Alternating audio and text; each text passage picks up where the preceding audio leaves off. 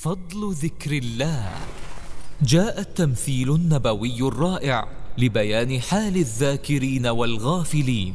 فعن أبي موسى الأشعري رضي الله عنه أن رسول الله صلى الله عليه وسلم قال مثل الذي يذكر ربه والذي لا يذكر ربه مثل الحي والميت. متفق عليه.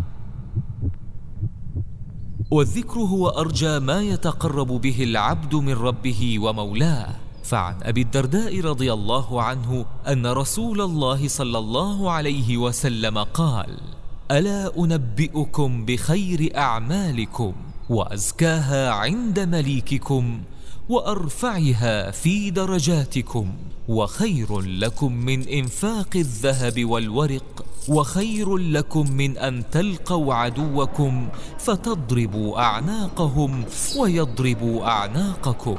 قالوا بلى. فقال عليه الصلاة والسلام ذكر الله تعالى. أخرجه الترمذي وصححه الألباني.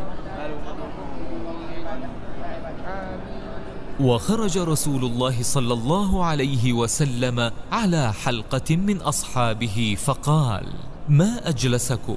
قالوا جلسنا نذكر الله ونحمده على ما هدانا للإسلام ومن به علينا. قال آه الله ما أجلسكم إلا ذاك. قالوا والله ما أجلسنا إلا ذاك.